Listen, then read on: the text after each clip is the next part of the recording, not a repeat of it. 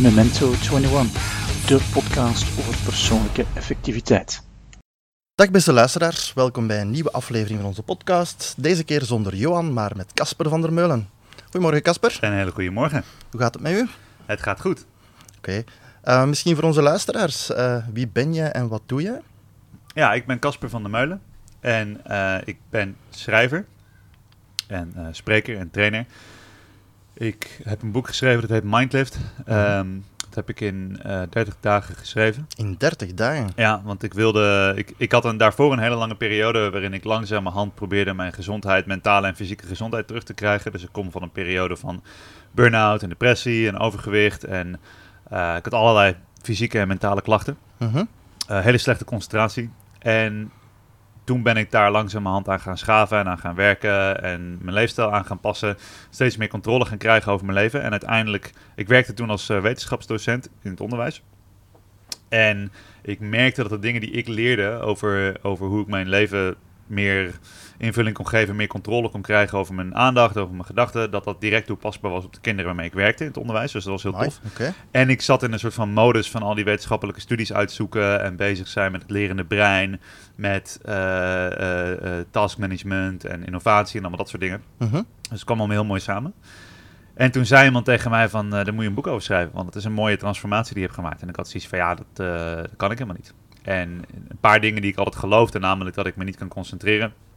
Eh, dat ik niet eh, goed ben in boeken, ik ben niet literair. Ja. Allemaal dat soort dingen. Ehm, die kwamen toen naar boven borrelen, die, die beperkende gedachten en ideeën. En eh, toen dacht ik van, nou, misschien kan ik dat wel op een andere manier aanpakken. Misschien is daar ook wel een manier voor om ermee om te gaan. Dus ik dacht van, ik ga een boek schrijven, want ik dacht van, ik kan me niet focussen. En ik, ik ben slecht met, met Mhm. boeken. Ja. Dus wat doe ik? Ik schrijf een boek over focus en ik schrijf het in 30 dagen. Want het leek me wel een mooie test om dat ook echt zo te doen. Ik had zoiets van, ja, als ik vijf uur, of als ik vijf jaar de tijd neem om een boek te schrijven over concentratie en productiviteit en mentale fitness, dan is dat boek zelf niet echt een wapenfeit. Ja, dus ik had zoiets van, als ik het ga doen, dan moet het, de, het, het, het boek zelf moet ook een uitdaging zijn die echt beproeft wat ik heb geleerd en wat ik kan, stressmanagement Mhm, en mhm. dat soort dingen. Dus ehm, ja, dat, dat is eh, wat ik heb gedaan. En, eh, het En dat is dus gelukt in 30 Ja. dagen. Ongelooflijk. En wat leuk was, is dat ik dus eh, voordat ik eh, begon met schrijven, had ik al ehm, eh, een stuk of 150 mensen die het boek hadden besteld. Mhm. Want ik had dus ehm, een filmpje gemaakt waarin ik zei van oké, Casper, dit is mijn boek, maar ik heb het nog niet geschreven. Dus je, je kan het eh, al bestellen. En Mhm. ik ga op 1 januari schrijven en op 1 februari stop ik met schrijven. En eh, je kan het al bestellen om er extra druk op te leggen en dan ben je er als eerste bij. En ondertussen ook online gecommuniceerd over het hele proces. Ja. Dus het was heel, eh, heel spannend. En en ja, met, met 30 dagen schrijven was het zo goed als af. Dan heb ik nog een maand gehad om zeg maar, het ontwerp te doen. En Mhm. Mhm. de laatste edits, de laatste wijzigingen, drukken en allemaal dat soort dingen. Dus ja, en dat is eigenlijk sindsdien, dat is nu iets meer dan twee jaar geleden. Sindsdien eh, heb ik zeg maar een soort van bedrijf of carrière of hoe je het wil noemen daar opgebouwd. En ik, eh, ja, ik, ik, ik reis veel eh, rond over de wereld om te spreken over deze onderwerpen en om mensen dezelfde principes aan te leren waar ik zelf wat aan heb gehad. Ja. Dat is wat ik doe. Mooi. En wat zijn zo die belangrijkste principes die je gebruikt hebt om ja, zo'n boek in 30 dagen te schrijven en op focus te houden? Ehm, een van de belangrijkste dingen is het beschouwen van je aandacht als iets wat een resultaat is van training. Dus dat die, die mentale spier van je aandacht bij een ding houden, eh, die kun je trainen Mhm. met behulp van oefening. Op dezelfde manier dat je fysieke, of, eh, z- eh, ja, je spieren, je biceps, wat dan ook, kun je trainen. En zo is het ook met, met, je, met je brein, met je mentale spieren. Dat is heel belangrijk. En ook om een manier te vinden om je eigen brein op, op zijn eigen manier te ondersteunen. Mhm. Dus heel veel mensen die leren van ik kan me slecht concentreren of ik, ik, ik, ik kan niet mijn taken afkrijgen of mijn taken managen. Maar eh, die hebben het gevoel dat ze dat niet kunnen, omdat ze het vergelijken met een norm. En als je kijkt naar de norm die bijvoorbeeld in het onderwijs gesteld wordt, is dat iedereen moet 35 uur per week kunnen stilzitten. Ja, ja. Of iedereen moet op dezelfde manier dezelfde taken op dezelfde tijd kunnen afleveren. En als je het op die manier bekijkt, zijn er natuurlijk heel veel mensen die buiten de boot vallen. Want er Mhm. zijn heel veel breinen die niet in dat straatje passen. En toen ik hem al begreep van, oh, wacht eens even, ik, ik, ik kan, eh, het is helemaal niet zo dat ik me niet kan concentreren. Het is niet zo dat ik niet productief kan zijn. Ik heb gewoon andere dingen nodig. Mhm. Dus ik heb bijvoorbeeld, wat voor mij heel belangrijk is, is dat ik precies weet hoe lang ik ergens mee bezig ga. Dat ik precies weet wat ik ga doen. Dus ik moet een soort van raamwerk bouwen waarbinnen ik me heel goed kan concentreren. Afleidingen wegnemen. Dus één ding wat heel effectief is geweest, is, eh, veel mensen kennen het als de Pomodoro-techniek bijvoorbeeld. Ja. En Pomodoro zijn heel specifiek 20 minuten heel, heel gefocust werken en dan een bepaalde tijd pauze. Ik heb met verschillende tijdsblokken geëxperimenteerd, afhankelijk van wat ik doe. Mhm. Ehm, en dat, is, dat was een hele eh, snelle eh, wijziging die eigenlijk direct resultaat opleverde. Dat ik meteen beter mijn concentratie kon managen. Mhm. Ehm, en waar ik heel erg van hou is geplande afleidingen. Dus als ik me niet... als ik niet afgeleid mag raken, dan krijg ik er eigenlijk stress van. Want ik heb precies van, ja, eh, moet ik dan voor onbepaalde tijd me blijven focussen? Dat kan ik helemaal niet. En het is Mhm. ook onmogelijk. Niemand kan zich zo lang focussen. Klopt. Echt focussen. Dus ik had zoiets van, nou, eh, als ik nou mezelf wel afleidingen toesta, maar ik creëer behulpzame afleidingen. Ehm, dus dingen die niet. Dus er is een heel groot verschil tussen eh, eh, zeggen van oké, eh, als je 20 minuten werkt bijvoorbeeld, je hebt 5 minuten pauze en in die pauze mag je afgeleid zijn. Als je dan gaat jongleren of gaat wandelen of even op je handen gaat staan, en dus je kiest, dat is een behulpzame afleiding, Mhm. die bevordert je doorbloeding, je activeert je brein, allemaal dat soort dingen. Daar heb je veel meer aan dan wanneer je snel op Facebook al je notificaties Ja, ja, ja, gaat checken. Waarmee je die, die tank eigenlijk alleen maar verder leeg maakt in plaats van dat je hem vult met je pauze.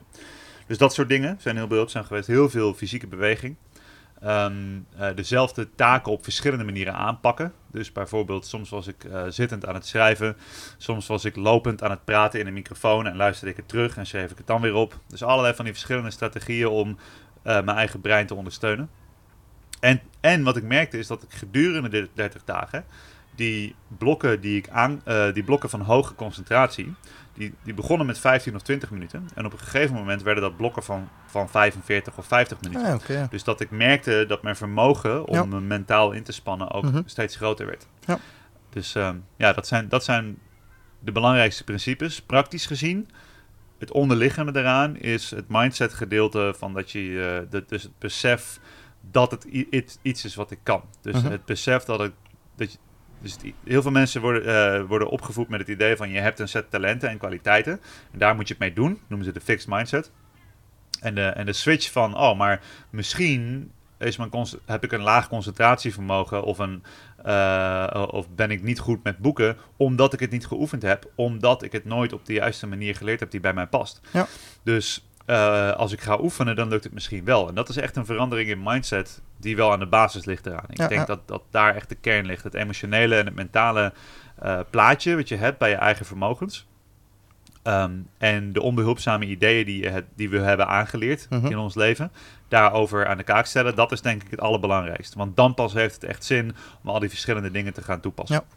Voor mij is dat ook een heel essentieel, inderdaad. Zoals je zegt, van, als ik zeg van ik kan geen boek schrijven, dan gaat het natuurlijk niet lukken, die beperkende gedachte. Ik vind het ook wel de moeilijkste om, om te veranderen. Van, heb je tips als mensen in zo'n mindset zitten, in, in een fixed mindset, van hoe krijgen ze naar de growth mindset? Om, om... Nou, het eerste is om te focussen op wat je al wel kan. Dus ehm, het is een beetje een cognitieve aanpak. Ehm, dus de, eh, het want je kan die verschillende mindsets kan je lezen. En je kan ze tot je nemen. Je kan er een cursus in volgen. Uh, maar het is wel een hele cognitieve aanpak om eigenlijk een emotioneel probleem op te lossen. Ja, klopt. Want die beperkende gedachten die komen voort uit hele Ja. diepe uh, programmering als kind. Mhm. Dus dat je bijvoorbeeld van kinds af aan al beloond wordt omdat je creatief bent. Of Ja, van kind af aan wordt beloond omdat je zo slim bent. Of, of, of zo mooi. Allemaal van die dingen die heel erg aan je identiteit gelinkt worden. Mhm. Dus als het zo aan je identiteit gelinkt wordt en je hebt alle beloningen gekregen op basis van die identiteit van au- autoriteitsfiguren zoals ouders en leerkrachten, dan heb je dus een hele sterke emotionele relatie met die mindset. Je bent Klopt. sterker nog, meeste mensen zijn in de fixed mindset zijn emotioneel afhankelijk van eh, de beloningen en de resultaten die ze behalen op basis van die vaste kwaliteiten. Ja.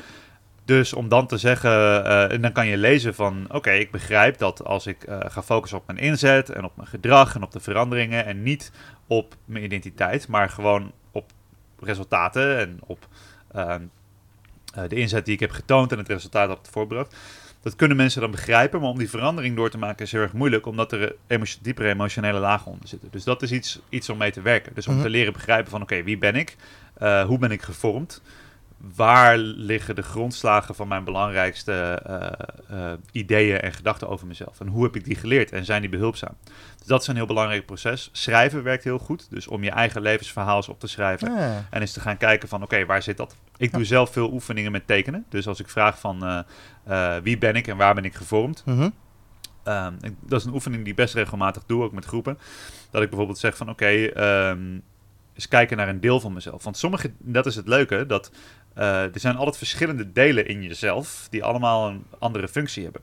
En op sommige vlakken hebben mensen, iedereen heeft op sommige vlakken een growth mindset, en op andere vlakken Ah, een ja, fixed ja. mindset. Ah, ah, ah. Dus wat ik bijvoorbeeld merkte is dat eh, als muzikant, ik heb heel lang als muzikant gewerkt, had ik echt een fixed mindset.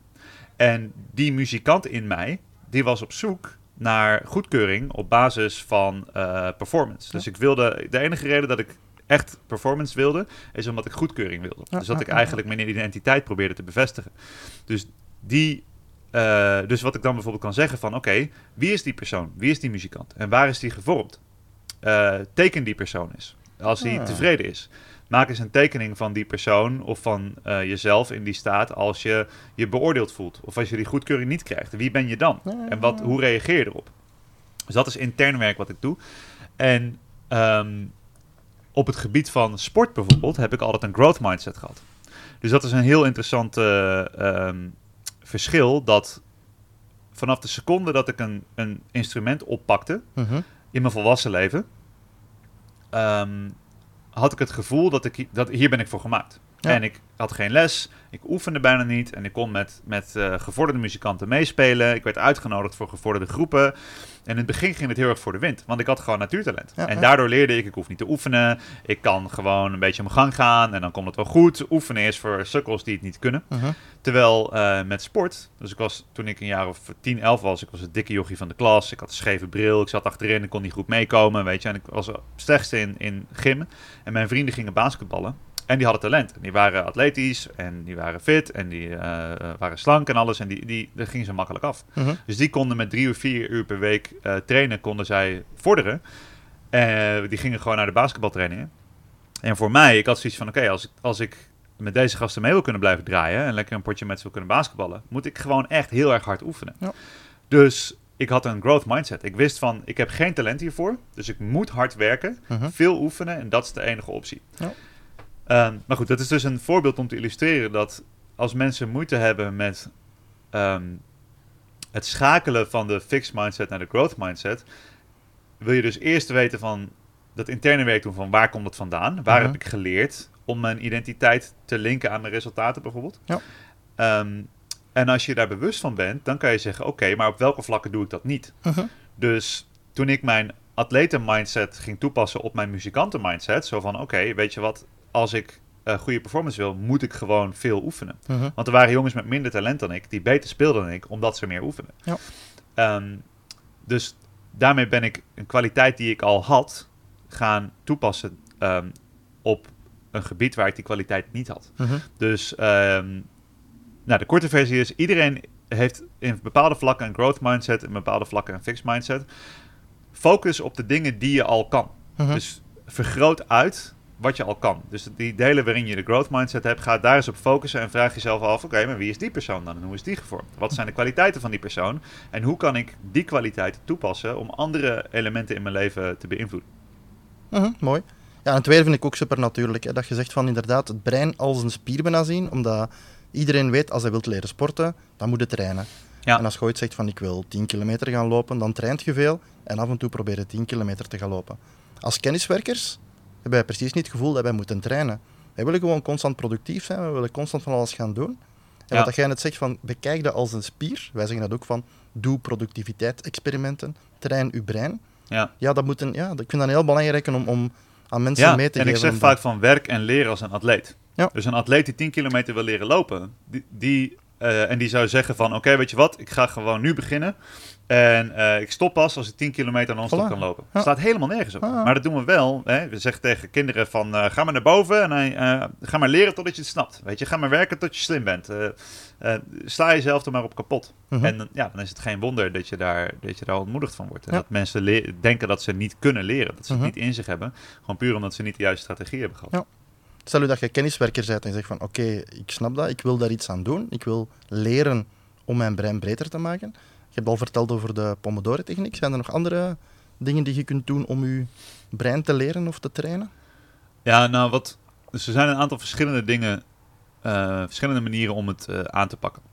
Dus ik ben, ik, ik beschrijf dan in mijn boek het, eh, het principe van mentale fitness. Mhm.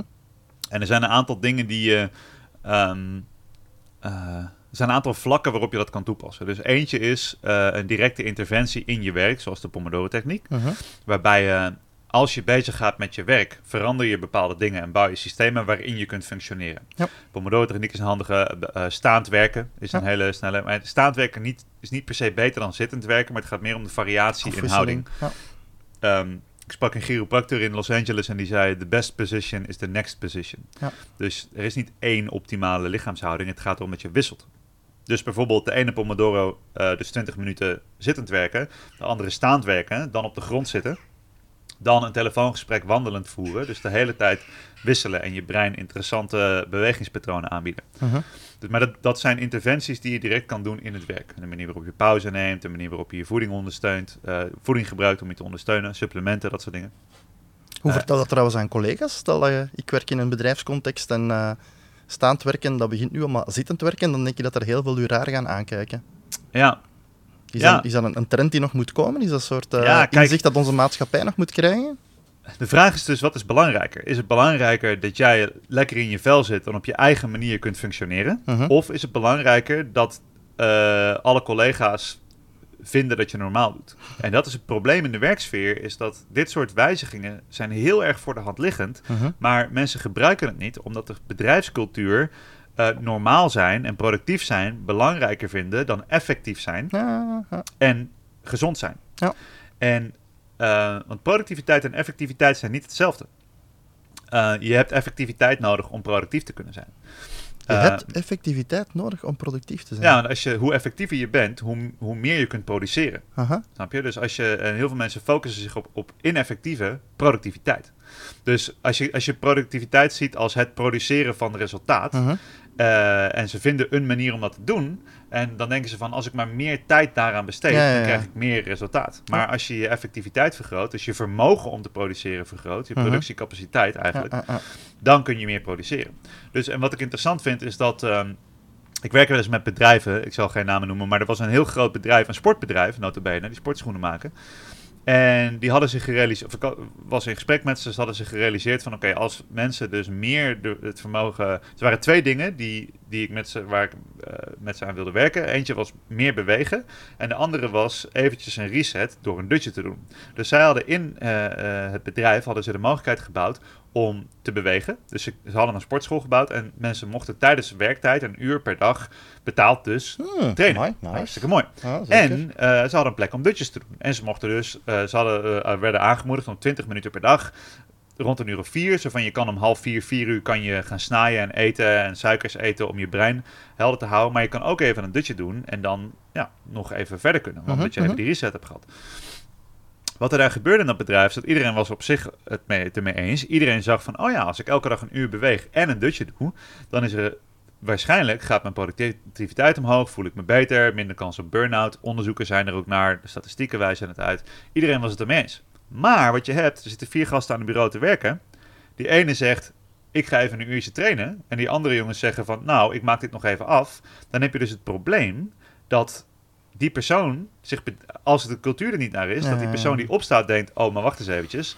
Die andere jongens zijn ook concurrenten. Als zij beter presteren dan ik, omdat ik een beetje in de sportschool sta, dan kan ik daar wel eens last van gaan krijgen. En dat, dus die angstgebaseerde manier van werken, die is niet behulpzaam. En dat is ook vaak zo dat de gezonde keuze, de beste keuze, is vaak niet sociaal acceptabel. Dus iemand die 40 uur per week achter een bureau zit en voorovergebogen en zijn schouders verpest en zijn concentratie verpest en helemaal niet effectief met zijn lichaam werkt om zijn, zijn kenniswerk af te krijgen. Mhm. Mooie term trouwens, kenniswerk. Ehm, die doet wel wat er normaal aangenomen is. Maar de persoon die zegt van oké, ik ga even wat eh, rekoefeningen doen en dan ga ik op de grond zitten werken. eh, of ik ga liggend werken, die wordt voor gek verklaard. Terwijl die wel eigenlijk beter bezig is. Mhm, mhm. En wat ik bijvoorbeeld merkte, een van de dingen die ik ging doen, eh, ik rookte. Ik heb heel lang gerookt en dat was iets wat ik wilde aanpassen. En eh, dus dat wilde ik op dezelfde manier doen, die mentale spier trainen. eh het neurale pad weerleggen. Dus ik ben eerst begonnen met een aantal vaste momenten kiezen om te roken. Dus van willekeurig 12 sigaretten per dag naar 5 vaste momenten per dag. Mhm. En toen ging ik eh, langzamerhand een van die momenten steeds pakken en vervangen voor iets wat wel goed voor me was, maar waar Ah. ik ook even dopamine van kreeg. Dus bijvoorbeeld in mijn lunchpauze verving ik mijn sigaret voor 25 push-ups. Eh daar krijg je ook een rush van. En dan krijg je, is goed voor je doorbloeding. En, maar je krijgt ook even die dopamine kick. Dus ik leerde mezelf om eh, mijn, mijn eh, cravings voor de sigaret om te bouwen naar een craving voor fysieke beweging. Wat Ja, veel ja, behulpzamer ja, is. Maar wat er dus gebeurde was, op mijn werk, en ik, of op een borrel, of waar je ook bent, sta je te kletsen met mensen.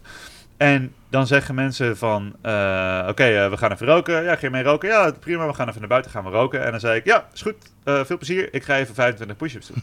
en dat ze zeiden van, nou, Casper, dat is echt raar, jongen. Dat je hier midden in de ruimte zo opeens push-ups gaat doen. Mhm. En als je even stilstaat bij wat dat betekent, dat dus een groep mensen die met z'n allen zegt van... hé, hey, weet je wat, laten we superhete kankerverwekkende rook in onze longen gaan zuigen. Mhm. En vervolgens onze kans op kanker vergroten en onze Mm. breinen trager maken en de doorbloeding eh, verslechteren.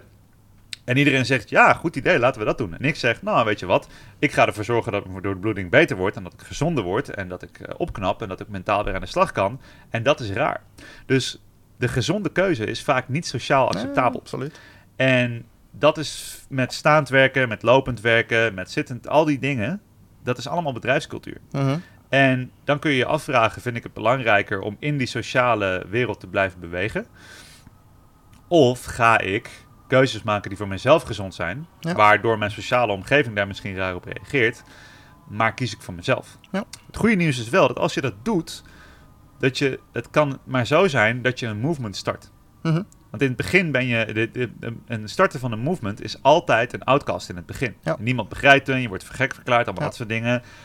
En als je volhoudt, gaan mensen opeens denken: oh, wacht eens even, maar het levert wel resultaat. En is het beter in zijn vel. Misschien moet ik eens mee gaan doen. Mhm. En dat is iets wat ik zelf op een gegeven moment had eh, waar ik werkte. Dat mensen zagen dat ik resultaat had, dat ze geïnteresseerd werden. En dat ze langzamerhand me gingen vragen van... hey, eh, hoe doe je dat? Of hoe pak je dat aan? Weet je wel? En dat ik opeens een soort van eh, go-to person werd in, in de school waar ik werkte. Van, hey, hoe zit het? Heb je een tip van mijn voeding? Of Mhm, mhm. hoe, hoe krijg je al die rapporten zo snel af? Weet je wel? En, dan, en dan kon ik gaan delen. Dus het is, het is een beetje een cultuurwijziging. Ja, ik moet Ja. nu denken aan zo'n YouTube-filmpje waar zo iemand begint te dansen. En waar Ja. iedereen zegt dat is gek. En dan ja, gaan er meer en meer. En dan, ja, de start Ja. of a movement. How to start a movement, ja, dat is mooi. Ja, ik vind het wel interessant wat dat je over dat bedrijf zegt. Want eh, ik heb ook van u geleerd koffiedutjes. Drink Ja. koffie en je dan. Ik dacht van, wat is dat nu? Ik dacht altijd van dat koffie onmiddellijk werkte, maar dat is niet zo. Ja, als je verslaafd bent aan koffie, dan werkt koffie onmiddellijk. Ah, Ja, want het placebo-effect dat is placebo of Pavlov of hoe je het maar wil noemen.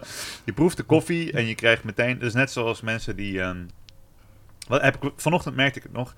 Ik drink elke ochtend één of twee koppen koffie. Mhm. relatief weinig voor een koffiejunk, maar ik, ik verheug me er wel heel erg op. En ik geniet Ja. ervan. En ik heb er een heel ritueel omheen gebouwd. Ik, ik maal de bonen met de hand, weet je wel, en dat soort dingen. Nu ben ik een nieuw supplement aan het testen en er zit cafeïne in. En ik neem drie capsules en er zit net zoveel cafeïne in als in twee koppen koffie. Ja. Dus dan zou je denken van als ik dat neem, heb ik geen behoefte meer aan koffie. Ah, Maar toch word ik pas wakker als ik koffie drink. Ondanks dat ik de cafeïne al binnen heb, snap Ja, je? Dus het ja. is een gewoonte en het brein reageert heel goed op rituelen. Dus als je een slok koffie neemt, dan voel je direct resultaat. Ze hebben ook bijvoorbeeld met hardlopers getest. Niet over koffie, maar met suiker. Maar het is hetzelfde principe. Dat mensen waren aan het hardlopen tot het punt dat ze volledig vermoeid waren. mhm. Toen kregen ze een zoete vloeistof in hun mond gespoten, maar een suikervervanger, dus geen echte koolhydraten. Ja. Dus een, een energieloze zoetigheid kregen Ja. ze in hun mond. Op het moment dat ze het proefden, eh, ging het eh, lijf automatisch meer energie uitgeven. Dus de stofwisseling ging omhoog. Amai. Dus de smaak het betekent, oh, over ongeveer 15 minuten zijn deze koolhydraten beschikbaar. En dat is dus ook met koffie. Als je koffie drinkt, heb je pas 15 of 20 minuten later de cafeïne daadwerkelijk getransporteerd via je verteringsstelsel naar je brein. Nou, wat grappig is, dus dit zijn van die leuke dingen die, die mij heel veel opleveren. Hoe meer je studeert hoe je brein werkt, je eigen brein, maar ook brein in het algemeen, Mhm. hoe makkelijker je gaat begrijpen hoe je deze interventies kunt toepassen. Ehm, dus als je je brein gebruikt, eh, gebeurt er iets eh, het zijn een aantal processen waarmee je energie vrijmaakt. En een van de, van de bijproducten daarvan is een stof die heet adenosine. En adenosine is een stofje wat in het brein ehm, opgevangen wordt door een receptor. En als die opgevangen wordt, dan zeggen ze van... Oh, dit betekent dat we energie hebben uitgegeven. Dus nu zijn we moe. Mhm. Dus het gevoel van vermoeid zijn en je niet meer kunnen concentreren... krijg je als resultaat van inzet. Cafeïne werkt omdat cafeïne heel erg een heel overeenkomstige vorm heeft als adenosine. Dus dat komt in je brein aan. Ah, Dus eigenlijk eh, geeft cafeïne geeft je geen energie, maar het, ehm, het blokt eigenlijk de remmende werking op je Ah, energie. Dus als je cafeïne neemt, dan wordt die adenosine minder ontvangen en ehm, eh, stelt het je vermoeidheid uit. En het, Mhm. helpt ook, het, geeft je wel energie in de zin van het helpt met ATP-overdracht in de cel. We kunnen er heel diep op ingaan. Maar wat cafeïne eigenlijk dus in de eerste instantie doet, is ervoor zorgen dat je niet suf wordt van je eigen inzet. Maar als je al, dus hier is het ding voor die koffiedutjes. Als je al moe bent, dan kan cafeïne dus geen intrede doen, omdat die adenosine al in de receptoren zit. Dus misschien een iets te biologische uitleg. Maar het protocol is dus, je, je, drinkt koffie, dan ga je meteen slapen. 20 minuten later heb je dus genoeg eh, uitgerust dat je brein die receptoren leeg, leeg heeft gemaakt en je daadwerkelijk ehm, eh, die cafeïne kunt gebruiken. Mhm. En het duurt 20 minuten voordat het door je verteringsstelsel heen komt. Ja. Dus je hebt dan een soort van optimale combinatie. Want je wil eigenlijk geen dutjes doen van langer dan 20 minuten. Mhm, mhm. Want na 20 minuten ga je in het diepe deel van je slaapcyclus. En dan gaat je brein in die hele lage hersengolf. Waardoor je, als je na 40 minuten uit een dutje komt, ben je vermoeider dan na 20 minuten. Ondanks dat je meer hebt geslapen. Mhm. Omdat je brein in een soort van stand-by stand gaat, waar die heel moeilijk uitkomt. Dus een dutje van 20 minuten zorgt ervoor dat je in lichte slaap zit. Dat je brein even kan verversen en dus die adenosine uit die receptoren komt. Op het moment dat je dan wakker wordt, 20 minuten later, heeft die koffie tijd gehad om door het verteringsstelsel gegaan, te gaan. Eh, de cafeïne zit in je bloedstroom, Mhm. komt aan waar het aan moet komen en kan dan daadwerkelijk binden. Mhm. En dit zijn gewoon van die dingen die leuk zijn. Eh, het, het is tof om te proberen, maar het is vooral de manier van kijken vind ik heel verversend. Dat je dus kijkt in plaats van dat je denkt van oké, ik be- be- bevind mezelf in een staat. Een staat van eh, concentratie of een staat van helderheid of een staat van flow. En dat we het gevoel hebben dat het een resultaat is van, weten we niet, Mhm. van hoe de zon staat of hoe de sterren staan of dat soort dingen. Ja. In plaats van dat we zeggen oké, maar mijn lijf, mijn brein, mijzelf is een set biologische, fysiologische systemen die samenwerken en die reageren op de omgeving. Mhm. Dus misschien kan ik die wel beïnvloeden om die staat die ik wil te creëren. Hm. En die koffiedutjes is gewoon zo'n hele leuke biohack waarbij je precies het juist, de juiste timing, Mhm. de juiste tools, eh, de juiste inzet, het juiste doel. En ja, als je dat voor elkaar krijgt om koffie te drinken en meteen te gaan slapen, 20 minuten later wakker te worden, dan merk je echt dat je. Het is net alsof je je eerste koffie in de ochtend neemt. Want Hmm. je bent helemaal klaar voor die cafeïne. En nog een praktische vraag. En nog tips om in slaap te vallen op het werk? Want eh, dat lukt bij mij niet zo goed als ik zo in het midden van de dag Ja, zeg van ik wil even 20 minuten slapen. Ja, eh, dus ik. Ja, dus het in slaap komen is iets waar ik veel aan heb gewerkt. Dat is iets wat ik heel moeilijk vind, omdat ik ben heel erg actief. Mijn gedachten zijn heel erg actief. Dus als Mhm. ik ga liggen, dan kan het wel 20, 30 minuten duren voordat mijn brein een beetje stil is. Dus een paar dingen helpen heel erg. De eerste is ademoefeningen. Mhm. Eh, als je fysiek actief bent en mentaal actief bent, dan ben je sneller aan het ademen dan wanneer je tot rust bent. Mhm. Oftewel, als je langzamer gaat ademen, word je ook mentaal minder actief.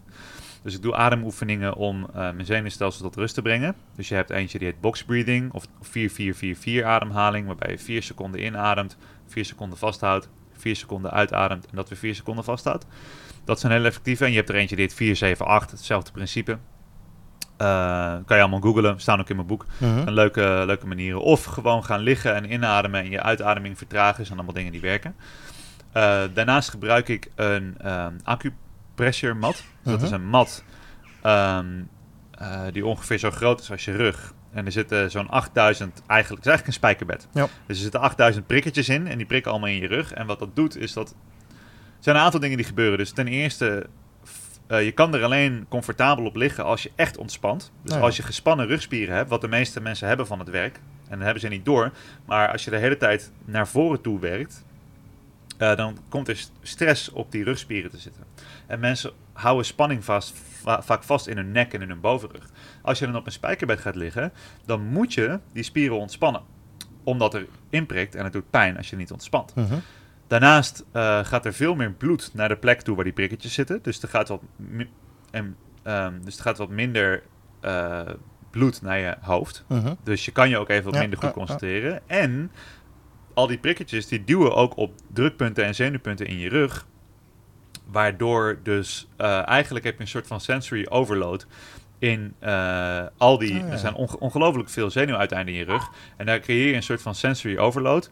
Waardoor er minder hersencapaciteit eh, naar die frontale kwap gaat die de hele tijd aan het denken is. Dus Mhm. eigenlijk zend je heel veel informatie die rug in, Ja. waardoor het zenuwstelsel daarmee bezig gaat in plaats van met die gedachten. Dus bijzonder, voor mij echt bijzonder effectief. En ik slaap Ah. er ontzettend rustig op. Ik draag wel een t-shirt, want met blote huid op die prikkers vind ik heel ongemakkelijk. Ja. Maar ehm, als ik ga liggen, ik doe ademoefeningen, ik ontspan mijn rug. Ik merk dat mijn gedachten, ja, dat mijn hersenen gewoon minder actief worden. En ik zet een timer voor 20 minuten. Eh, soms heb ik ook nog, ik heb nog zo'n noise cancelling headphone Ah, ja. die 28 decibel blokt. Ja. En eh slaapmasker en zo. Ja. Dus eh, de, de kunst van het optimaal dutjes doen heb ik wel, eh, ben ik wel Ah. mee bezig. Oké, interessant. Dat je gezegd, want inderdaad, wij weten zo weinig over ons brein, terwijl inderdaad als kenniswerkers hebben daar is dat onze belangrijkste tool om mee te werken. Ja. Dus je zegt, het is belangrijk om daar meer over te leren en te lezen. Mindlift is al natuurlijk een goede stap, maar zijn er nog, eh, nog andere plaatsen om daar meer over te leren? Ja, er zijn heel veel. Nee, het, het, dit is interessant. Ehm, de manier waarop het brein het beste leert en werkt, is ongelooflijk veel onderzocht. Er zijn zoveel studies die laten zien: hey, deze muziek of die voeding of dit supplement. En ik heb inderdaad in, in mijn boek heb ik heel veel van die middelen, 50 middelen besproken om dat te verbeteren. Maar het, het is er gewoon. Het ligt gewoon voor het oprapen, die kennis. Eh, Maar we hebben nooit geleerd dat dat iets is wat je moet doen. Dat, Mhm. je, dat het een goed idee is om te leren hoe je brein werkt. Dus het boek Mindset van Carol Dweck is, eh, is heel, eh, heel goed daarin. Ehm, er zijn een aantal hele mooie... eh, nou, weet je, dit is typisch iets waar, waar, waar, waarmee je op YouTube eh, helemaal los kunt gaan. De- de- deze informatie ligt gewoon gratis voor het oprapen. En als je Maar waar kijkt, vinden ze de, de goeie? Want je hebt natuurlijk eh, ook heel zijn veel er zijn veel TED-talks die Ja. ik kijk. De podcast van Tim Ferriss. Ja. Dat is een hele goede. Jullie podcast neem ik aan. Eh, extra tijd.be. Dus er zijn heel veel bronnen. Het ligt er een beetje aan wat je wil. Dus het is, het is belangrijk om, ehm, om een richting te kiezen. Mhm. Maar mijn lievelingsbronnen zijn TED Talks, eh, podcasts. En wat ik vaak doe met podcasts is dat ik zoek bijvoorbeeld eh, een spreker of een, ehm, of een influencer, een gedachtenleider die veel over zo'n onderwerp spreekt. En dan ga ik gewoon op zoek naar podcast. eh, niet zozeer op de, op de host of op de naam van de podcast, maar op de gast. Ah, ja, Dus ik zoek dan podcasts die... Bijvoorbeeld Seth Godin, die Mhm. heel veel schrijft over productiviteit en over hoe het brein leert en zo. Eh vind ik heel prettig om naar te luisteren op podcasts. Mhm. Dus er, zijn gewoon vijf of zet, zes interviews die hij heeft gedaan op andere podcasts. Waar ik dan naar luister. Ja, ja. Eh, dat, dat vind ik een hele mooie manier om te studeren. Ah, Ehm, eh, er is een hersenonderzoeker die heet Joanne Deek. Eh, ik zal je de naam nog wel even sturen. Die heeft niet heel veel literatuur uitgebracht, maar wel hele hoge kwaliteit. En daar heb ik ook een aantal lezingen van bijgewoond. Die beschrijft heel effectief eh, waarom ehm, het zo moeilijk is om te leren en om productief te zijn. Mhm. eh, voor lerende breinen, vooral jonge lerende breinen. En zij richt zich heel erg op kinderen. Maar eh, de meeste mensen die hiermee bezig gaan, realiseren zich dat ze als volwassenen allemaal gewoontes en gedrag in stand houden dat ze als kind hebben geleerd. Ja. Dus als ze dan terug gaan kijken naar hoe heb ik op school geleerd en dat gaan aanpakken, dan merken ze dat ze als in hun volwassen leven daarop meteen resultaat van zien als ze daar een, een aanpassing van maken. Oké. Eh, uw idee van het bedrijf intrigeert mij vooral. Van het bedrijf dat zegt je moet een uur per dag gaan sporten en eh, een dutje gaan doen. Stel dat je nu bedrijfsleider bent met al uw inzichten. En je mocht zeggen van we gaan die zaken die een keer proberen. Welke andere experimenten zouden we nog doen? Ehm, ik zou. Ja, dus als ik zelf een bedrijf zou opstarten waarin gewerkt mag worden, zou ik eh, een aantal vaste dingen die nu als, als, eh, als normaal gezien worden, zou ik ehm, in twijfel gaan stellen. Mhm. En eh, ik zal een hele korte mijn, mijn filosofie daarover is dat als je kijkt naar alle dingen die nu toegepast worden in productiviteit en gezondheid, alle adviezen, standaardadviezen die er zijn, die gaan ervan uit dat iedereen dezelfde dingen moet doen. Mhm, En als je mhm. kijkt waar die zijn oorsprong vinden, dan vind je eigenlijk de industriële revolutie en daarvoor al de agrarische revolutie. Maar in de, in, bijvoorbeeld acht uur slaap per dag. Dat is zo'n tip die iedereen krijgt. Drie maaltijden per dag. Eh, de schijf van vijf of wat voor voedingsadvies dan ook.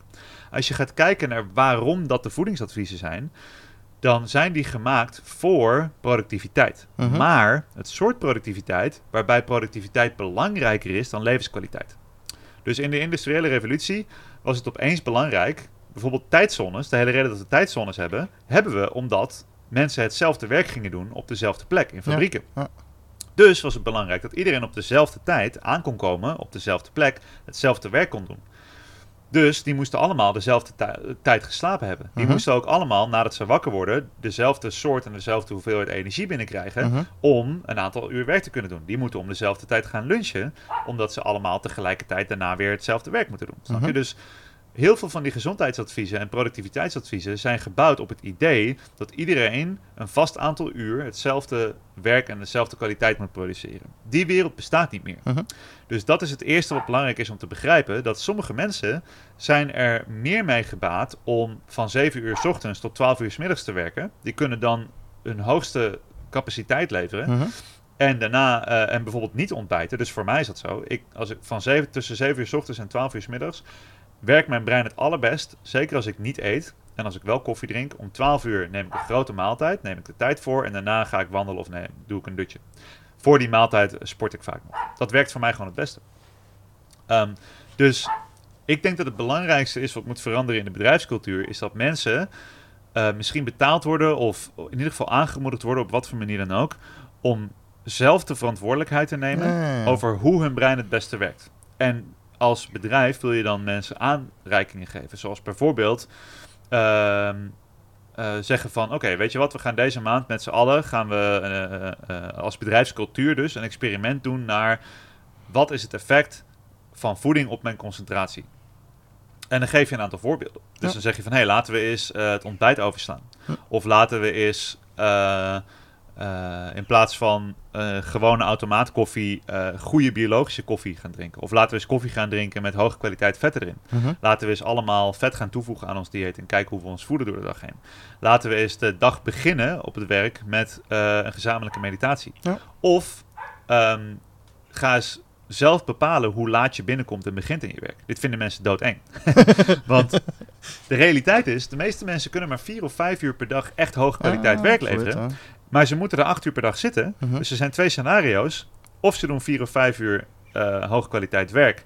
En die andere drie of vier uur zijn ze maar een beetje aan het lanterfanten. Doen ze alsof ze actief zijn in de hoop dat ze niet betrapt worden. Ja. Ehm, of het brein wordt lui. Mhm. En denkt van, ik kan me vijf uur concentreren, maar ik moet acht uur werken. Dus in plaats van vijf uur effectief werken, ga ik acht uur een beetje Ja, rondhangen, een beetje half werk doen. Ja, absoluut. En dat is wat er in de realiteit gebeurt. Ja. Want als ik tegen jou, als jij tegen mij zegt, ik kan 10 kilometer hardlopen en ik zeg, ja, maar we gaan 30 kilometer hardlopen, dan ga je niet in een hoog tempo. Dan ga je zo langzaam mogelijk, zo lui mogelijk, ga je dat werk doen. Ja, natuurlijk. Dus ehm, ik denk dat eh, mensen, eh, dat bedrijven een manier moeten gaan vinden om niet te belonen voor heb je 30 uur per week hier gezeten, maar te gaan belonen op hoeveel hoge kwaliteit werk heb je Mm. afgeleverd en hoeveel energie heb je over daarna. Want de burn-out cultuur is het grootste probleem. En de burn-out cultuur wordt eh, heel erg in stand gehouden door en te focussen op de tijd dat je besteedt aan je werk, hoe hard Mhm. je werkt en hoeveel je inzet.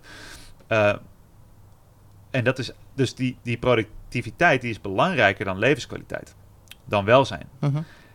En tegenwoordig, het- ik denk dat mijn generatie eh, mensen die een baan hebben, die moeten waarschijnlijk tot hun 75ste werken. maar tegelijkertijd verdwijnen banen ook. Dus als je nu al eh, gaat focussen op zoveel mogelijk effectiviteit, hoge kwaliteit werk in zo kort mogelijke tijd, dan eh, kun je als bedrijf denk ik winnen. Ja. Want ehm, de trend is dat mensen minder werken. Minder, Mhm. de- de- 100 jaar geleden werkten mensen 80 of 90 uur per week. Ja. Nu hebben we een 40, 35 urige werkweek. Ja. eh, niet zozeer. eh, aan de ene kant is het omdat mensen niet 90 uur per week kunnen werken en gezond zijn, maar ook omdat er gewoon niet 90 uur per week werk is voor iedereen. Mhm, Want mhm. mensen zijn niet meer nodig om in fabrieken dingen in doosjes te stoppen, weet je wel. Ja. Dus, eh, de- en waarschijnlijk gaat steeds meer technologie werk overnemen. Dus als iedereen werkt, werkt iedereen minder. Ehm, dus als je nu al kan beginnen met bijvoorbeeld zeggen van... oké, je mag maar vier uur per dag echt hard werken in dit bedrijf. Maar daarna wil ik dat je ook een uur sport... en dat je ook een uur besteedt aan uitzoeken hoe je brein werkt. Ehm, en dat je ook een uur besteedt aan een beetje rondhangen en creatief zijn. Weet je wel, op die manier. Dat is eigenlijk een ongelofelijke win-win-win. Enerzijds voor ja, productiever, eh, productiever te zijn, gelukkiger te zijn, gezonder te zijn. En om je voor te bereiden op wat eh, ja, robots, artificiële intelligentie en alle zaken nog... eh, Want dan hoef je je ook niet bedreigd te voelen door de ontwikkelingen. Ah. Want je weet dat als je beloont... Ik zou mensen in mijn bedrijf belonen op minder werken. Dat als je Mhm. minder kunt werken en hetzelfde resultaat doen, prima. mhm. Weet je? En, en maar het zo van, oh, maar ik moet mijn uren vullen, anders krijg ik mijn, mijn geld niet. Dat is niet effectief. Maar het is wel, laten we zeggen, ik, als, als ik dat hoor, dan zeg ik fantastisch, dat zou ik wel eens graag willen proberen in een bedrijfscontext. Ehm, het gaat scary zijn, denk ik, voor iedereen. Ja, ja. Het gaat ook dingen naar boven brengen dat, dat de ene in vier uur evenveel werk verricht als een ander in vijf uur, wat dat heel normaal en logisch is. Dus dan ga je ja. wel hier en daar wat jaloezie gaan krijgen, zeker. Dat soort dingen zijn lastig. Ja. En managers natuurlijk, hè, van, van hoe volgt je op wat mensen doen. Dan moet je echt gaan naar kwalitatieve resultaten, moet je die definiëren. En dan moet je niet zeggen, ik beloon u omdat je hier 40 uur zit of 45 uur zit.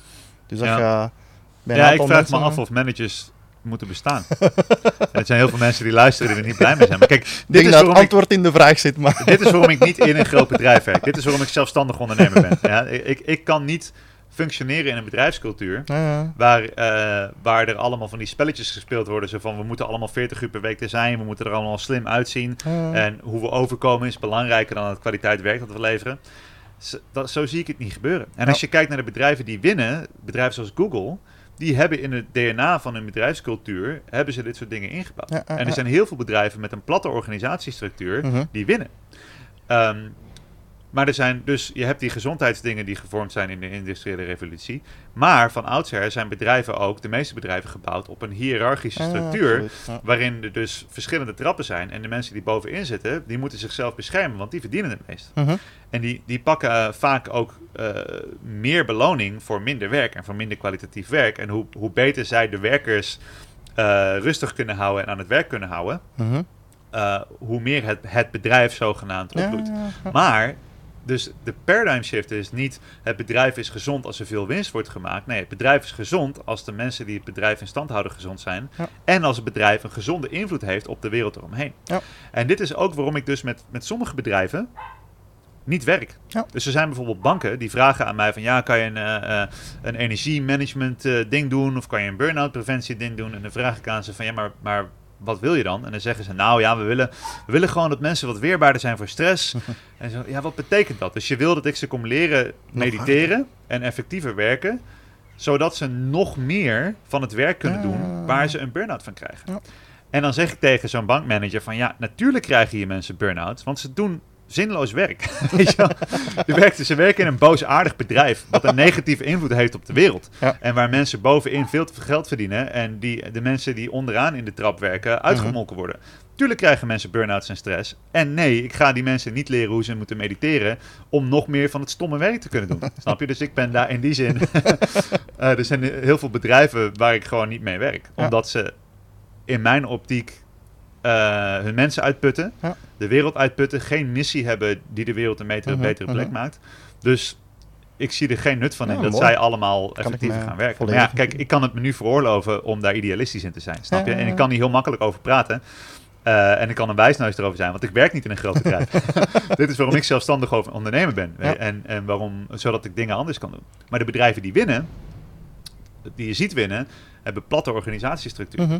Vragen aan mensen, hoe gaat het met je? Wat heb je nodig om te produceren? Mhm. Die hebben culturen waarin iemand die drie uur werkt en evenveel kwaliteit levert als iemand die acht uur werkt, dat die allebei evenveel geaccepteerd worden. Ja. En dat is hoe mensen en menselijke samenwerking oorspronkelijk ontstaan is. Want in Mhm. een stam waarin je, sommige mensen zijn jagers en die kunnen goed jagen, sommige mensen zijn verhalenvertellers. Mhm.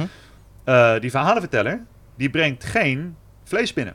Dus je zou denken van ja, maar die is minder belangrijk. Die zit een beetje bij het kampvuur verhalen te vertellen. Ja, maar dat is wel hoe mensen geïnspireerd raken. Ja, en hoe die jagers weten hoe ze moeten jagen. Want die vertellen de verhalen van de jagers van generaties geleden. Snap je? Dus ehm, het inclusief denken, waarin alle mensen een unieke rol kunnen vervullen in Mhm. het grote plaatje, in plaats van we hebben werknarren nodig, werkbijen, die allemaal hetzelfde klusje uitvoeren. Want diezelfde klusjes worden nu geautomatiseerd. Dus Mhm. we moeten nu weer naar een plek toe gaan en zeggen van... hé, hey, wat nou als we allemaal dezelfde waarde hebben... Mhm. maar andere kwaliteiten die ingezet kunnen worden. Ja. Maar de intrinsieke waarde van ieder mens is gelijk. Nou, dat is iets waar, waar veel bedrijven niet aan durven. Ja. Want de, de mensen die moeten innoveren zijn de managers. En dat zijn de mensen die hun eigen waarde ontleden aan het feit dat ze manager zijn. En die durven die verandering niet te maken, want Ja. dan zijn ze hun status kwijt. Ja. Dus het is, heel veel bedrijven zitten gewoon in een soort van, in een heel lastig pak wat dat betreft. En heb je nog tips naar ouders met kinderen? Ik bedoel, als je zegt van hoe, wat kun je doen om je kinderen dit soort inzichten en, en mee te geven? Ervan uitgaan dat de scholen ook de eerste tien jaar niet gaan veranderen? Ja, ja. Nou, ik ben nu 20 maanden vader en eh, in die tijd heb ik geleerd dat, dat, dat ik helemaal, helemaal niks weet. ik weet gewoon niks, zeg maar. Maar ik, heb, ik kan wel vragen stellen. En een van de vragen die ik stel is: eh, wat had ik nodig als kind? Hoe heb ik geleerd dat het leven werkt? En hoe kan ik ervoor zorgen dat ik mijn kind ondersteun in haar manier vinden? Dus ik merk heel erg dat mijn valkuil is. ehm, ik had het heel erg moeilijk op school. Mhm. Ik zat niet lekker in mijn vel. Ik heb nu een manier gevonden die voor mij werkt. En om dan niet de gedachteslag te maken, dus mijn kind heeft dat ook nodig. ja, ja, ja. Misschien heb ik wel, is mijn dochter, heeft mijn dochter wel het soort brein, wat wel 35 uur per week in de banken wil zitten, aantekeningen nemen en toetsen maken en achterhalen. Dat kan. Ja. Ik was het tegenovergestelde. Dus die- dat vind ik het allermoeilijkst om niet mijn eigen behoeften Mhm. te spiegelen op mijn kind. Ehm, de meest praktische tip die ik ouders kan geven is om een kind op te voeden in de growth mindset. Dus Mhm. de mindset waarin je alles kunt leren en alles kunt bereiken op basis van inzet en het laten bloeien van je kwaliteiten. Is de communicatie naar het kind toe het allerbelangrijkste en ook het moeilijkst. Toen ik in het onderwijs werkte, gaf ik hier ook lezingen over aan ouders met, met puberende kinderen. Ehm, de manier waarop je communiceert is belangrijk. Dus eigenlijk alles gaat om relatie en communicatie in ouderschap. Dat is wat ik heb geleerd in tien jaar werken met ouders en kinderen, maar ook sinds ik zelf. Want ik, toen ik lezingen gaf, ik was toen 21 en ik gaf lezingen aan ouders met kinderen van 12, weet je wel. Mhm. En ik, ik begon altijd met, laat ik eerlijk zijn, ik weet niks over opvoeden, ik heb geen kinderen. Ja. Maar in de klas werk ik met deze gasten en dit werkt. Ja. Omdat dit is hoe een brein werkt, dit is hoe die mindset werkt en dit is hoe je dat kan toepassen. En Mhm. ouders hadden resultaat. Dus dat is even de disclaimer. Het is heel, ik vind het heel moeilijk om wijsneuzig te doen over opvoeden, want ja, mijn dochter kan ook gewoon over, over tien jaar een verschrikkelijke eh, puber zijn die, Mm. die nog erger is dan ik zelf, weet je wel. Dus, maar goed, in ieder geval, het meest praktisch is beloon, maar beloon concreet en beloon op inzet. Eh, als je nagaat bijvoorbeeld, als je tegen een kind zegt, oh wat ben je knap. Oh wat ben je creatief, oh wat ben je slim, oh wat ben je mooi. Wat leert het kind ervan? Dus de, de vraag die ik altijd probeer te stellen bij mezelf is, wat leert ze hiervan? Ja. Ehm, niet leert ze iets hiervan, wat leert ze ervan? Want je leert altijd iets. Mhm. Als een kind genegeerd wordt, als een kind geen lesmateriaal, geen leermomenten aangeboden krijgt, leert ze alsnog iets. Mhm. Namelijk dat misschien dat zo'n kind eh, het niet waard is. Mhm. Of zoiets, weet je wel. Ehm, als een kind altijd hoort, oh wat ben je knap, oh wat ben je slim. Wat ze dan leert is dus, mijn identiteit is, ik ben knap en slim. Maar ik moet dat laten zien aan de buitenkant. En dan word ik daarvoor beloond.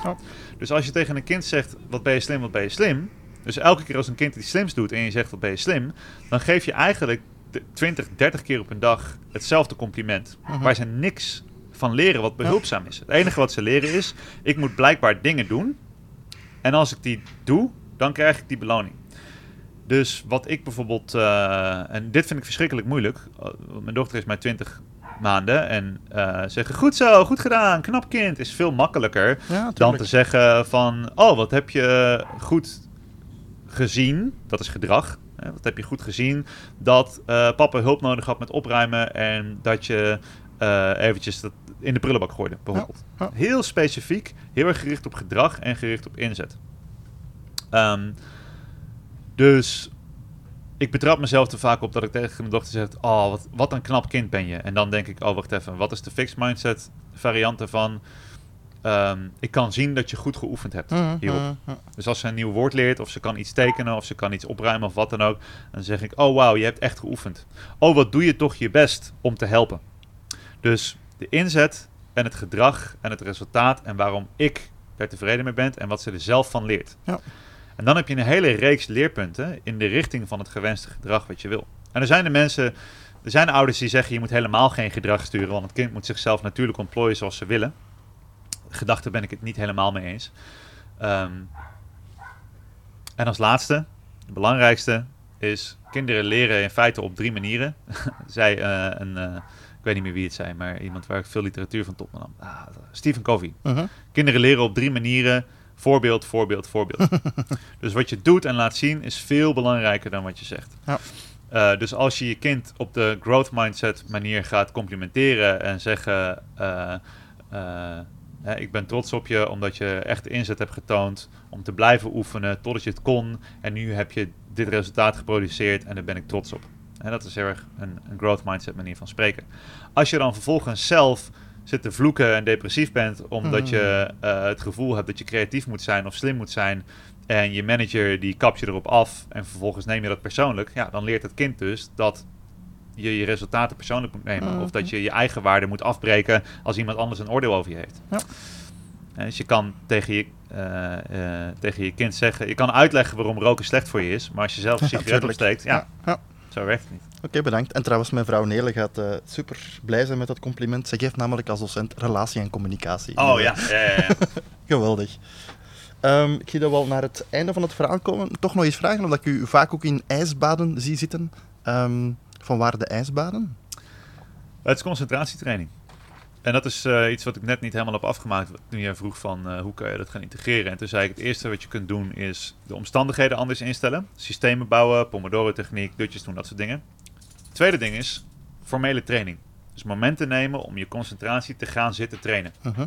Op dezelfde manier als je een verhuizer bent eh, en je hebt je rugspieren nodig en je beenspieren, dan wil je tijdens het verhuizen aanpassingen maken zodat je die spieren op de juiste manier gebruikt. Dat is de mentale variant ervan, is Pomodoro techniek en dat soort aanpassingen.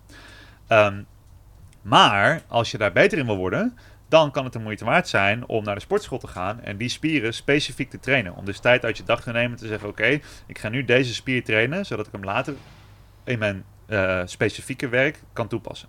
Dat kun je met je mentale werk ook doen. Meditatie is een hele effectieve. Eh, sporten is een hele effectieve. Hardlopen ben ik fan van. Ademoefeningen, maar ijsbaden ook. Dus als je denkt dat je je niet kunt concentreren, ga maar eens een koude douche nemen of in een ijsbad zitten wat nog extremer is. Gegarandeerd dat je je kunt concentreren. Want je moet wel. Mhm. Dus heel veel mensen hebben niet het gevoel dat ze zich kunnen focussen, omdat er geen noodzaak is. Want als je acht uur de tijd hebt voor werk wat je in vijf uur kunt doen, dan hoef je nooit te voelen dat je in die super harde focus zit, dat je Ah. alles gedaan krijgt, dat je helemaal ervoor gaat. Want er is geen noodzaak. Daarom krijgen mensen pas als ze de deadline bijna gaan missen, opeens krijgen ze een soort van bovenmenselijke focus en, productiviteit, omdat er een noodzaak is, omdat er een druk is. Nou, ik denk niet dat het een goed idee is om te wachten tot het laatste moment met je werk op de focus, want dan creëer je ook stress Ja, en dan creëer je negatieve connotatie bij het werk. Ja. In een ijsbad, de, dus de kou, ook onder een koude douche, zorgt de kou ervoor dat je je moet concentreren. Want er zijn twee opties. Of je concentreert je, je bent bezig met je ademhaling, je bent aanwezig in het moment en eh, je kan er prima mee dealen. Of je raakt afgeleid en gestrest en je krijgt het heel erg koud. Dus het is een directe feedback loop voor je concentratie. Wat betekent dus ook dat, eh, en het is een minuutje of twee, maar in die twee minuten doe je super harde training die je de rest van de dag kunt toepassen. Daarnaast is het moment, dus dit is vooral, ik zou, als je niet getraind bent hierin, ga niet meteen een bak ijs kopen en je bad vullen. Ga eens gewoon onder de warme douche staan. En dan aan het einde van je warme douche zeg je: Oké, nu zet ik de warme kraan uit en zet ik het koude water aan. Wat je dan mentaal moet doen, de mentale spier die je traint, is eh, je weet dat je iets gaat doen wat oncomfortabel en moeilijk is. Mhm. En dan wil je uitstellen. Je wil de douche nog even warm zetten. Je wil smoesjes bedenken waarom het vandaag niet nodig is. Ja. Je gaat al in je brein allemaal redenen bedenken om het niet te doen. Of om, a- weet je, om, om ervan te vluchten en dat soort dingen. Dan moet je dat dus allemaal waarnemen en zeggen: nee, ik maak deze keuze. En dus overgaan van intentie naar actie. En heel veel mensen zitten op hun ideeën. En ze wachten erop. En ze wachten ermee. En ze gaan niet aan de slag. Heel veel mensen, als ze eenmaal bezig zijn, zijn ze productief en effectief. Maar ze komen niet aan het werk. Mhm. Dus de mentale spier van ik besluit dat ik het ga doen. Ondanks dat het moeilijk en oncomfortabel is. Maar toch doe ik het. Dus je hebt een intentie en je hebt een follow-up met actie. Dat is nog iets wat je traint. eh, door die koude kraan aan te zetten. Ja. En dan raakt het koude water je. Dan moet je je concentreren. En merk je, hoe beter je je concentreert, hoe minder stress je hebt. Dus je leert ook stress hebben. Je leert een stressprikkel aanzetten en dan vervolgens jezelf deescaleren uit die stress. Nog iets wat overal toepasbaar is. En dan dat kun je is- zelf dan deescaleren als je zo koud staat. Van, ah! Ja, nou, dat heb je, dit is die vluchtreactie en, je, en je, je ademhaling. En Aha. het enige wat je hoeft te doen is je concentratie naar je adem brengen en je ademhaling kalmeren. En op het punt dat je zegt van, Ja. oké, het is oké, dan heb je jezelf gedeescaleerd. Ja. Dus je oefent met van intentie naar actie gaan, je oefent met concentratie in het moment houden Mhm. en je oefent met een stressprikkel ontvangen, in de stress raken en jezelf daaruit deescaleren Mhm. op dezelfde manier dat die, die verhuizer die zijn rug gaat trainen en zijn benen gaat trainen in de sportschool, die kan daardoor beter verhuizen. Die kan daardoor beter zijn kinderen optillen. Mhm. Die kan daardoor beter eh, zijn fiets repareren. Want die spier is getraind. Ja. Mentale spieren, als je die op één plek traint, die kun je ook overal toepassen. Ja. Dus als je onder die, in dat koude water eh, jezelf kan deescaleren uit stress, Mhm. kun je ook, als je dat moeilijke gesprek hebt met die collega en je krijgt stress, je merkt je hartslag gaat omhoog, je merkt dat je wil vluchten, kan je ook tegen jezelf zeggen: Oh, maar wacht eens even, ik kan mijn ademhaling kalmeren, ik kan mijn lichaam kalmeren en ik kan met die stress omgaan. Ja. Dus dat zijn op mentaal vlak de meeste voordelen. En daarnaast, je stofwisseling gaat omhoog, je hebt meer beschikking over je energie, eh traint je bloedvatenstelsel, dus je doorbloeding wordt beter, waardoor je brein beter werkt, waardoor je bloeddruk beter wordt. Dus het heeft allemaal van die gezondheidsvoordelen in Ja. zo'n heel compact eh, pakketje. Want het is Dus- gewoon s ochtends eventjes een minuutje onder de koude douche, zodat je onder controle bent. Dus beste luisteraars, gewoon proberen. Gewoon doen. Ja. Weinig tijd en superveel voordelen. En wees lief voor jezelf. Niet meteen met je hoofd eronder. Gewoon eens een keer die koude douche aan. Op je benen beginnen of op je borst of wat dan ook. En wel, ik bedoel, niet, niet jezelf pushen. Mhm. Het kan in het begin echt heftig zijn als je niet getraind bent. Ja. Maar na een dag of dertig wordt het gewoon makkelijk. Oké, mooi. Als je nu zo een dag zou moeten beschrijven van jezelf in die periode dat je niet een boek hebt geschreven in 30 dagen, hoe zag die een dag eruit? Welke rituelen heb je dan bij jezelf toegepast? Eh, nou ja, eh, alles wat ik beschreven heb, heb ik zelf toegepast. Wat voor mij heel belangrijk was, is om een sterk ochtendritueel te hebben. Waarbij ik eigenlijk met, zodra mijn wekker gaat, zo snel mogelijk mijn bed uit ga. Want als ik in bed lig en ik nee, geef mezelf tijd om te snoezen, dan ga ik malen. En dan ga ik me zorgen maken en stress creëren en me Ja. druk maken. Zo snel mogelijk bed uit en dan rituelen starten om een dag echt goed te beginnen. Mhm. Dus eh dagboekjes schrijven. eh, ik schrijf ligt eraan. Ik heb verschillende dingen, verschillende periodes. Toen deed ik 's ochtends eh, schreef ik op ehm, eh, dus het gedrag wat ik die dag wilde vertonen. Dus niet dit zijn mijn doelen en die moet ik halen. Mhm. Maar 's ochtends schreef ik op vandaag ga ik me inzetten om genoeg rust te nemen. Vandaag ga ik me inzetten om mijn creatieve brein te ondersteunen in plaats van eh, mezelf te pushen. Weet je wel zo. Ehm, schrijven is gewoon een hele goede manier met de hand. Het is Mhm. heel belangrijk om je brein op gang te krijgen. Ik deed 's ochtends meditatie, ademoefeningen, koude douche, eh, koffie, eh, zeg maar bulletproof koffie met Ja. goede vetten erin. Ik gebruikte creatine als supplement, 's ochtends ook, om mijn brein te ondersteunen. Ehm, dan had ik een aantal blokken van 20 minuten dat ik aan het werk ging. Ja. Eh, en ehm, na, eh, na een bepaalde tijd dat ik een stop, dat ik echt een hard stop, zo van nu moet je stoppen, anders dan put ik mijn brein uit. Ja. Dan ging ik vaak hardlopen of even trainen, beweging extreem belangrijk. Dan een grote maaltijd, dutje, nog een paar blokjes van 20 minuten. En s'avonds deed ik dan vaak werk om mezelf. Dus ging ik bijvoorbeeld de hele doorloop van mijn boek nog eens bekijken. En Ah, de ja. verschillende hoofdstukken. Gewoon een, een bird's eye view. Ja. Dus 's ochtends heel erg hyperfocus op de inhoud. Smiddags wat relaxter, wat editen, wat doornemen. En s'avonds echt even afstand nemen, het grote plaatje bekijken. Het komt goed, Casper. en bijvoorbeeld mijn moeder bellen en zeggen van... oké, ik heb vandaag deze dingen doorgenomen. Ik heb dit opgeschreven. Dus eh feedback systemen. Oh, nice. Eh, met mijn vrouw overleggen. Dus eh, afstand nemen ervan. Ehm, want stressmanagement was echt, echt een big deal. Mhm. Eh, het heeft me uitzonderlijk veel stress opgeleverd. Dus alles wat ik heb geschreven over stressmanagement heb ik echt moeten toepassen en aan de lijve ondervonden. Ehm, en ik werkte gewoon nog drie dagen in de week. Ja. Dus ik had ook nog mijn Ah. baan erbij. Dus het was, eh, het was best wel eh, inter- interessant qua time Dus management. de 30 en dagen heb je gedaan tijdens dat je drie dagen per week Ja, nog werkte. ja. Ongelooflijk. Maakt het nog indrukwekkender? Ja, en ik speelde toen nog in een band waarmee ik één keer één avond in de week. dus ik had zeg maar, het is niet zo dat ik me 30 dagen heb opgesloten in een hokje. Mhm. eh, en ideale omstandigheden had om te schrijven. Ik had gewoon een normaal mensenleven met hobby's en sport en, en muziek en een baan. En daarnaast heb ik het boek geschreven. Want het- dat leek me ook eerlijk. Om Mhm. het wel een soort van Absoluut. in een echt mensenleven te doen. In plaats van, ik spreek wel eens mensen zeggen, ik heb een boek in tien dagen geschreven. En ik zeg, hoe heb je dat gedaan? Ze zeggen, ja, ik heb een, een cottage in de Alpen en ik had een personal coach bij me die me de hele tijd on track hield en allemaal dat soort dingen. En ik van, ja, het is misschien wel een, een fijnere manier om het te doen. Eh, ik, ik keur het ook niet af. Ik denk dat, ik, dat als ik nog een boek zou schrijven, zou ik het zeker zo doen.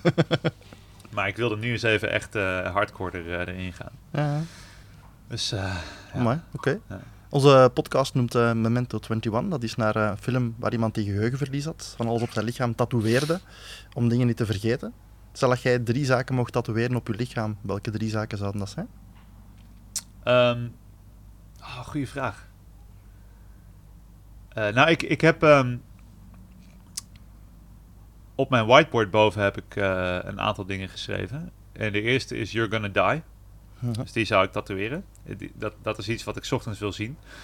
De herinnering aan dat het leven... Sommige mensen vinden het morbide, maar ik, ik vind het de herinnering aan dat het leven eindig is. Mhm, mhm. En dat ik kan over een uur de straat oversteken en aangereden worden, kan het afgelopen zijn. En die gedachte zorgt ervoor, dat is een soort van mijn, mijn mindfulness noodzaak. Ja. Dat ik, eh, zit ik op mijn telefoon een beetje te scrollen, een beetje surf soms, en dan is mijn dochter aan het spelen en dan, Casper, wacht even, je gaat dood. En het komt steeds dichterbij, het kan sneller gebeuren dan later. Heb je aandacht bij wat belangrijk is. ja, ja. Ehm, dus dat vind ik een hele belangrijke. Eh, daarnaast eh, Find the Others heb ik daaronder staan. Dus dat is, heeft voor mij de betekenis van eh, er zijn gelijkgestemden. En Mhm. ik heb me heel vaak, vroeger ik werd gepest en ik paste niet eh, in, in de normale gang van zaken. Ik heb me altijd heel eenzaam gevoeld, omdat ik niet, ja, ik kon niet echt aansluiten bij mensen en zo. En ik dacht dat het aan mij lag. Maar eh, wat ik nu heb geleerd is, er is gewoon, en dat is ook eh, de zegen van het internet. Mhm, dat- Absoluut. Als je een outcast bent of je bent iemand die op een andere manier denkt, er zijn andere mensen Ja. die op dezelfde manier denken. Het zijn er gewoon minder. Ja. En nu kun je ze vinden. Dus voor mij, find the others is voor mij een hele inspirerende zin, want ik weet dat ze er zijn. Er zijn mensen waar ik 100% dit soort van als familie voelen. Mhm. En iedereen heeft een paar mensen in, zijn, in hun leven waarvan ze zeggen van, nou, daar kan ik zo goed mee. En ik wil er een prioriteit van maken om die persoonlijke, de menselijke connectie met gelijkgestemden, eh, daar prioriteit van te maken. Ja. Met het gegeven dat ik doodga. Dus ik heb Mhm. maar een hele korte kosmische milliseconde in de grand scheme of things waarin ik kan doen wat ik wil doen. Ja, mooi. Ehm, dus dat zijn er twee. You're gonna die, find the others. Ehm,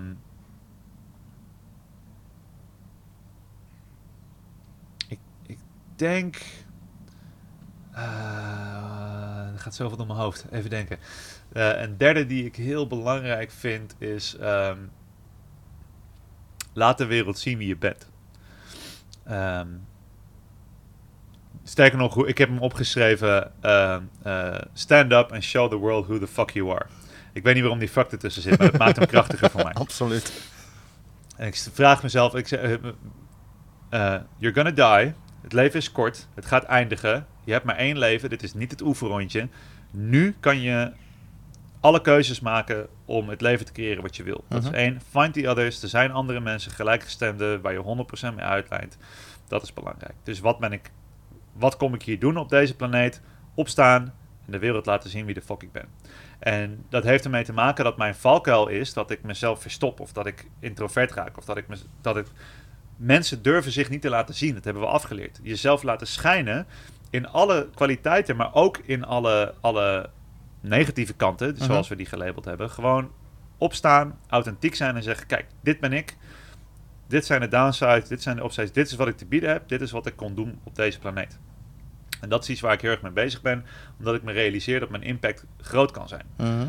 Eh, in mijn werk merk ik dat ik een impact heb op mensen en op de wereld. En dat is waardevol. En het is voor mij, ik heb depressies gehad en burn-outs gehad. Het is voor mij heel makkelijk om te denken van ja, maar wie ben ik nou? Wie ben ik nou om te denken dat ik iets kan toevoegen aan de wereld? Ik kan beter gewoon een baantje nemen, op de bank zitten, tv kijken, klagen over het weer. Gewoon zoals ik het vroeger deed. Weet je, dat kan ik ook doen. Het is heel erg beschikbaar. En, het, en wat ik nu doe, rondreizen en ik, eh, weet je, ik ben fit en ik ben gezond en mijn zaken lopen goed en ik reis de hele wereld over. En mensen denken van, oh ja, dat is het makkelijke leven, dat is het goede leven. Maar dit is een veel moeilijker leven dan, dan wat ik had. Ik was depressief en te dik en alles. Maar alles wat ik deed was makkelijk. Mm. Ik deed alleen maar makkelijke dingen. Ja. Eh, een beetje zitten, een beetje klagen, een beetje vreten. En nu doe ik elke dag dingen die uit mijn comfortzone zijn. Maar het levert wel wat op. Ja. Eh, dus voor mij is, is de... Trouwens, ik zou ook kunnen opschrijven... ehm, eh, makkelijke keuzes, moeilijk leven. Moeilijke keuzes, mak- makkelijk leven. Als, je, als je moeilijke dingen doet, is het leven makkelijk. Dat zou er ook nog wel eentje kunnen zijn. Maar voor mij is stand up, show the world who the fuck you are. Gewoon zo van, oké, ik, ik had die persoon kunnen blijven die op de bank zat depressief te zijn. Een beetje blowen en drinken en klagen over het leven. Maar elke dag kies ik er nu voor om te zeggen, oké, dit ben ik. Het leven is kort. En ik maak er een punt van om mijn kwaliteiten toe te voegen aan de wereld. Om de Mhm. wereld een betere plek te maken. Dat was een hele, hele uitgebreide uitleg, omdat ik er zelf heel hard over na moest denken. Hele mooie Maar ik samenvatting. vind het wel zo eerlijk om daar een, eh, een goed, eh, eerlijk antwoord op te geven. Ehm, Ja. Ja. zijn er nog afsluitend dingen die we nog niet verteld hebben dat je wilt meegeven aan de luisteraars? Eh, vergeet niet om te spelen. Vergeet niet om te Ja. spelen. Het is heel, met al deze dingen, persoonlijke ontwikkeling en gewoonteverandering en voeding en sport. Mensen, het is heel makkelijk om in de valkuil te trappen van keiharde zelfdiscipline. Ah ja, jezelf serieus, pushen, moet. Dit ja. moet en dat moet, anders ben ik niet goed genoeg. Nee, het is spelen. Zorg ervoor. De, al deze dingen die ik heb gedaan, heb ik gedaan vanuit nieuwsgierigheid, vanuit liefde, vanuit eh, de behoefte om, om te leren en om Mhm. eh, te ontwikkelen. En op een hele speelse manier. Ja. Ehm, geef jezelf de ruimte om eh, een keer een dag te zeggen, weet je wat, ik laat alles vallen en ik ga gewoon chillen. Ik ga gewoon op de bank hangen. Of ik ga, weet je, dat, is iets wat ik denk dat, ehm, dat hele van ik moet dit en ik moet dat en ik moet mezelf pushen en ik moet aan allerlei dingen voldoen. Relax. Als het niet speels is, als het niet leuk is, Ja. waarom zou je het dan doen? Eh, dat, dat is voor mij, zeg maar. Ja. Dan is het de moeite niet waard als het niet kan spelen. Ja. Dus wees creatief en speels en, en wees lief voor jezelf. Aha, aha. Want dat is de grote valkuil. Ja. Iedereen die met persoonlijke ontwikkeling bezig gaat, de valkuil is om jezelf te pushen, te pushen, te pushen tot je kapot bent en dan is de lol eraf. Dus hou de lol erin. Mhm. Oké, dank u. Eh, waar kunnen de luisteraars jou vinden? Mindlift.com, eh caspervandemeulen.nl, eh, p- eh, Instagram. Ben ik, ik ben het meest actief op Instagram en Facebook. Als je iets hebt gehoord tijdens deze podcast wat je leuk vond, wat je aanspreekt of wat dan ook, zoek me even op en laat het me weten. Ik vind het heel Ik vind podcast fantastisch om te doen, maar vooral leuk als het soort van interactief wordt. Dus eh, als je een vraag hebt, vind me gewoon. Instagram en Facebook ben ik het meest eh, responsief. Is dat een woord? Weet ik niet. Absoluut. In België wel. Ehm, eh, op Instagram ben ik eh Caspers Focus. K-A-S-P-E-R-S en dan Focus. Ja, we gaan de linken wel toevoegen. Ja, en eh, op eh, Facebook Mindlift. Mindlift streepje Casper van der Meulen. Eh, daar ben ik het beste te vinden. Maar het staat ook allemaal op mijn website. Oké, hartelijk bedankt voor dit eh, heel interessante Ja. interview. Dankjewel. Bedankt Casper, dag. Bye bye. Hey, met Johan. En nog snel een boodschap van algemeen nut voor je van je extra tijd gaat genieten. Wanneer je deze aflevering goed vond, dan zou ik het fijn vinden wanneer je naar iTunes gaat en onze 5-ster evaluatie geeft. De reviews zijn heel belangrijk voor ons om Memento 21 door meer mensen te laten beluisteren. En het zal Steven en mij heel veel plezier doen wanneer je deze aflevering via je sociale media aan je contacten doorgeeft. En dat kan door naar onze website te gaan, extratijd.be, het desbetreffende blogpost van de podcast te kiezen en dan via de knoppen via je sociale media te verspreiden. Dankjewel voor deze twee acties en we spreken elkaar volgende week voor een nieuwe aflevering. Dag!